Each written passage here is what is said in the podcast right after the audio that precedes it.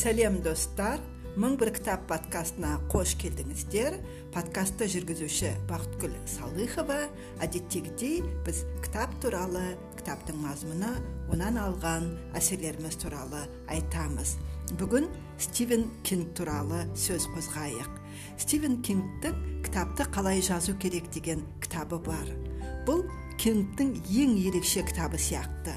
Өйткені бұған дейін оның есімін қорқыныш әлемімен ғана байланыстыратынмын. Сондықтан кітаптарында көп оқымайтынмын. Бұл кітабының басында ол шынайылық ең жақсы саясат деп жазады. 90 жылдары стивен кинг тек қана жазушылардан тұратын рок группаның құрамына кіреді. Олар америкада өтетін кітап жәрмеңкесінде өлең айтып көрермендерді күлдіріп көңілін көтереміз де тарқап кетеміз деп ойлайды. Бірақ бұл топ тарап кетпейді. Оларға бірге болған бірге ойнаған ұнап қалады. Түрлі турларға барады ол туралы кітап та жазады. Топ мүшелері келіп кетіп жатады адамдар ауысады. Дегенмен олар бірге уақыт өткізіп көп нәрсені талқылап әңгімелеседі. Олар жазушы болғандықтан бір бірінен идеяны қайдан аласың деп сұрамайтын. Өйткені олар оны білмейтін. Бір күні стивен кинг эмиға мынадай сұрақ қояды. Саған еш қашан қойылмаған сұрақ бар ма? дейді яғни әртүрлі кездесулер сұхбаттар барысында қойылмаған сұрақ бар ма екен?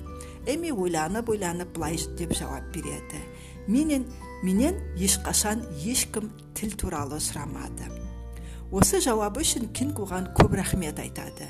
Өйткені ол жазушылық туралы кітап жазғысы келіп жүрген. Бірақ неге екенін уәжі не екенін түсінбейтін.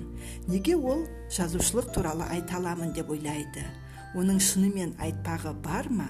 Әрине соншама кітап жазып оны сатқан адамның айтуға құқы бар деген жалпы жауап бар. Бірақ бұл нақты және дұрыс жауап деген сөз емес. Егер мен кітапты қалай жазу керек екенін айтқым келсе онда менің кітабым сатылды дегеннен де бөлек түрлі себептерім болуы керек деп ойлайды. Бұл кітапты кинг эми танға арнайды. Ол оған мұндай кітапты жазуға болады деп айтқан адамның бірі еді.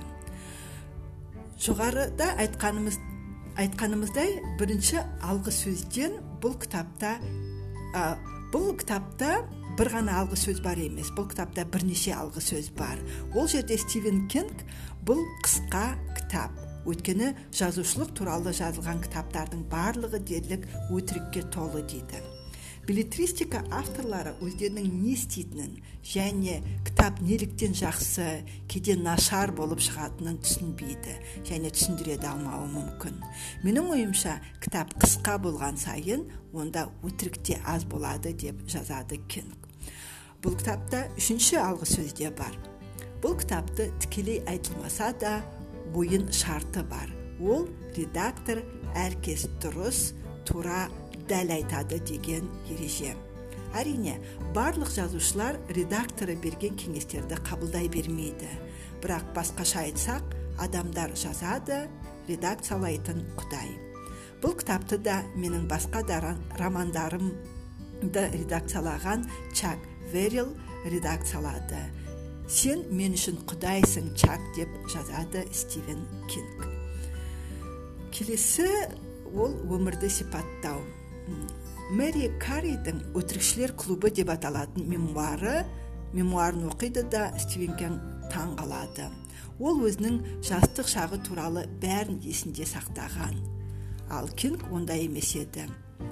Кинг қалай жазушы болғанын сипаттағысы келеді. Ол жағдайға байланысты немесе өз қалауымен жазушы болуға болатынын сенбейтінін айтады. Бірақ бұрынырақ осы ойға сенген екен. Адамда кем дегенде минимум жазушы немесе әңгімелеуші таланты болуы керек. Осы талантты ары қарай дамытып ұштауға болады. Ол өзінің жазушы болып қалыптасуына атаққұмарлық тілек ықылас сәттілік жолы болғыштық және бір тамшы таланты рөл атқарды деп ойлайды. Кішкентай кезінен қалған ең үлкен естелік ол өзін ең күшті сезінген кез еді. Бірақ ол көтерген тас бөлігінде аралардың ұясы болып ол құлағын шағып алғаны одан кейін тас аяғына құлап саусақтарын ауыртқаны және туыстар оны ауруханаға апарғаны қатты есінде қалған. Ол кезде екі жаста ғана еді. Ең алғаш алты жасында жазғанын анасына көрсеткенде ол мақтау естиді. Бірақ оны өзі оқыған комикстерден жазған еді. Анасы оған өзі жаза алатынын өзі жазса өте жақсы шығатынын айтады. Сөйтіп стивен алғашқы ертегі әңгімелерін жазып шығады. Анасы әр жазғанына ақша беріп барлығы бір доллар жинайды. Анасы оның жазғандарын көбейтіп туған туысқаларына туысқандарына әпкелеріне жібереді. 1950 жылдардың соңында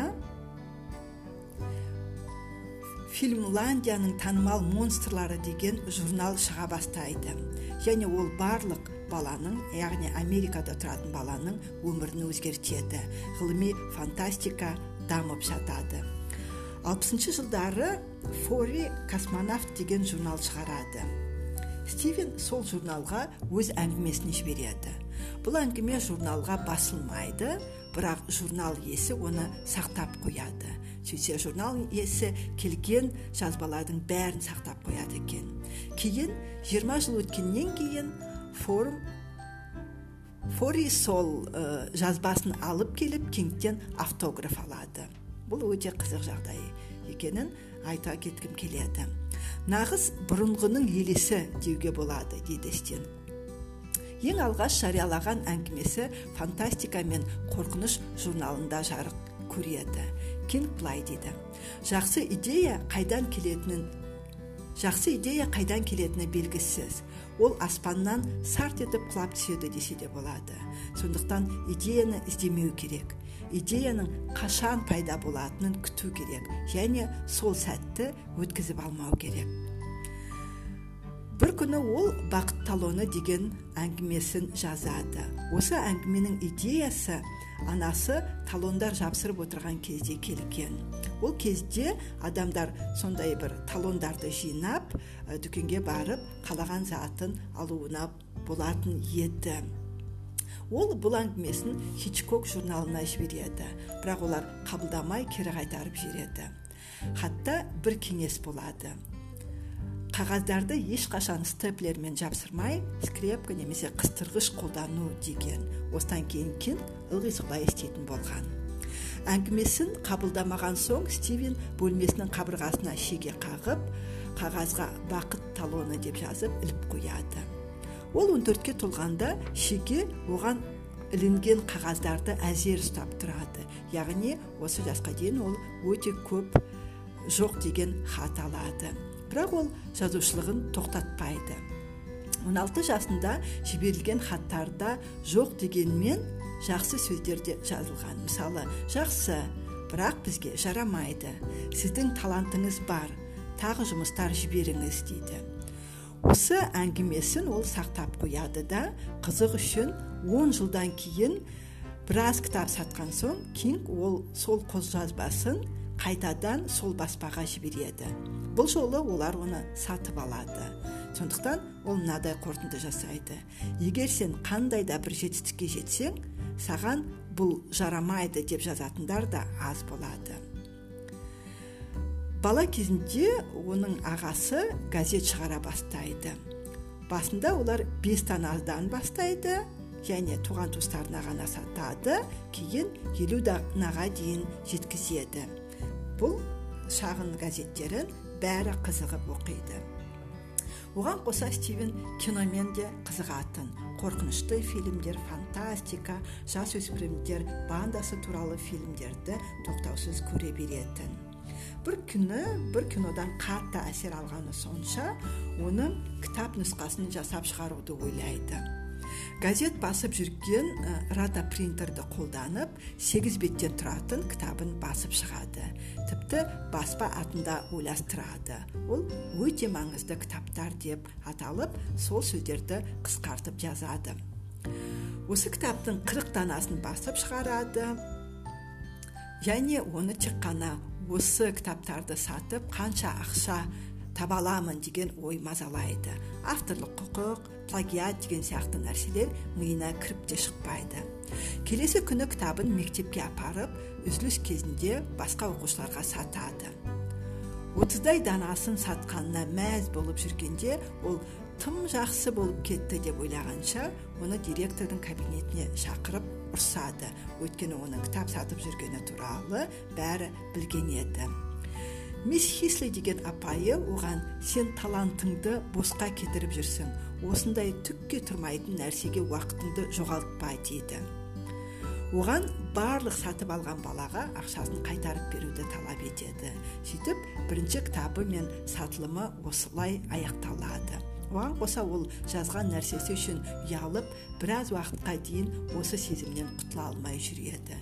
Тек қырықтарға таяған шағында ол мынадай ойға келеді.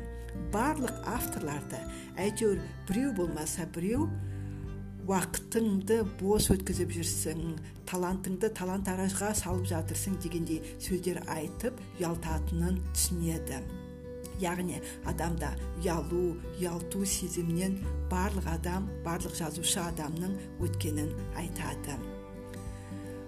Осыдан кейін ол жазасын алады мектепте оны өтеу керек өтеу керек болады. Бірақ дегенмен де жазғы демалыс басталғанда ол тағы бір әңгіме жазып төрт бесеуінен басқасын сатып жүреді сөйтіп аз болса да өз пайдасын табады.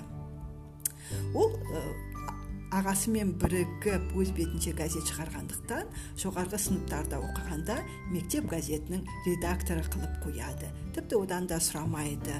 Солай ол редактор болып шыға келеді. Жазу ұнағанымен оған газеттің басқа да жұмыстары мезі қылатын оны. Іші пысқаннан ол сатиралық мектеп журналын шығарады. Ол әзілге толы болады балалар оны оқып күлкіге қарқ болады. Осы үшін оны тағы да директор кабинетіне шақырады. Өйткені бұл журналда ол мұғалімдердің атын аздап өзгертіп кішкене әзіл түрінде көп нәрсе жазған болатын. Сөйтіп ашуланған және ренжіген бір мұғалім оны мектептен шығару керек деген талап қояды. Бірақ соңында әйтеуір ол мектепте қалады екі апталық жазасын алады. Оған қоса оның жазуын басқа арнаға бұру үшін ойластырып оны бір газетке спорт репортері болып жұмыс істеуге жібереді. Сол жерде ол алғаш рет жазғаны үшін ақша алуға болатынын көреді. Және редактордан жазғанын қалай жөндеу керектігі туралы жақсы сабақ алады. Стивен кинг колледжін бітіріп мұғалім болады үйленеді бала шағасын асырау үшін көп еңбектенеді оған қоса жазуын да ұмытпайды. Оның әйелі оны қатты қолдайтын оған қатты сенетін бірде бір күмәні болмайтын ол ылғи қолдап жүретін. Соған сенетін ад... негізі қай кезде де саған сенетін адамның болғаны өте маңызды. Бұл кітапты аяғына дейін оқып шығыңыздар. Бұл кітапта стивен кингтің автобиографиясы деп айтасақ та болатын сияқты. Ол кітаптарын қалай жазғаны туралы айтады. Бірақ қалай жазу керек екені туралы көп мәлімет таппайтын боларсыз. Адамдардың айтуынша яғни осы кітапты оқып өз пікірлерін айтқан кейбір адамдар бұл кітаптан қалай жазу керек қандай құрал қандай әдіс тәсілдер қолдану керек екенін таба алмайсыз дейді. Және ондай нәрсені күтудің де қажеті жоқ. Бірақ автор басында айтқандай идея қайдан келетінін білмейтініміздей басқаларды қалай жазуға үйрету де жұмбақ болар. Әр адам өз тәжірибесі қателігі өз еңбегі арқылы ғана жетеді. Кітап жазу туралы басқа да кітаптарда түрлі кеңестер көп. Солардың бірі адам көп оқу керек және көп жазу керек. Көп оқу мен көп жазу сізді жақсы жетістікке алып келуі мүмкін деп аталады. Оған қоса тағы бір кеңес айтайық. Жақсы жазушы оқырманына өтірік айтпауы керек. Осымен подкастымызды аяқтайық. Сіздермен бірге болған бақытгүл салыхова. Кітап оқудан жалықпаңыздар. Ойларыңыз асқақ та терең болсын. Пікір алмасып білгенімізбен бөлісіп бұл әлемді жақсарта түсейік. Осы кітап туралы ойларыңызды пікірге қалдырыңыздар. Келесі кездескенше сау болыңыздар. Мың бір кітап подкастын тыңдауды ұмытпаңыздар.